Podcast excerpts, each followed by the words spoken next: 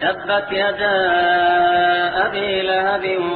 وتب ما أغنى عنه ماله وما كتب سيصلى نارا ذات لهب وامرأته حمالة الحطب في جيدها حبل من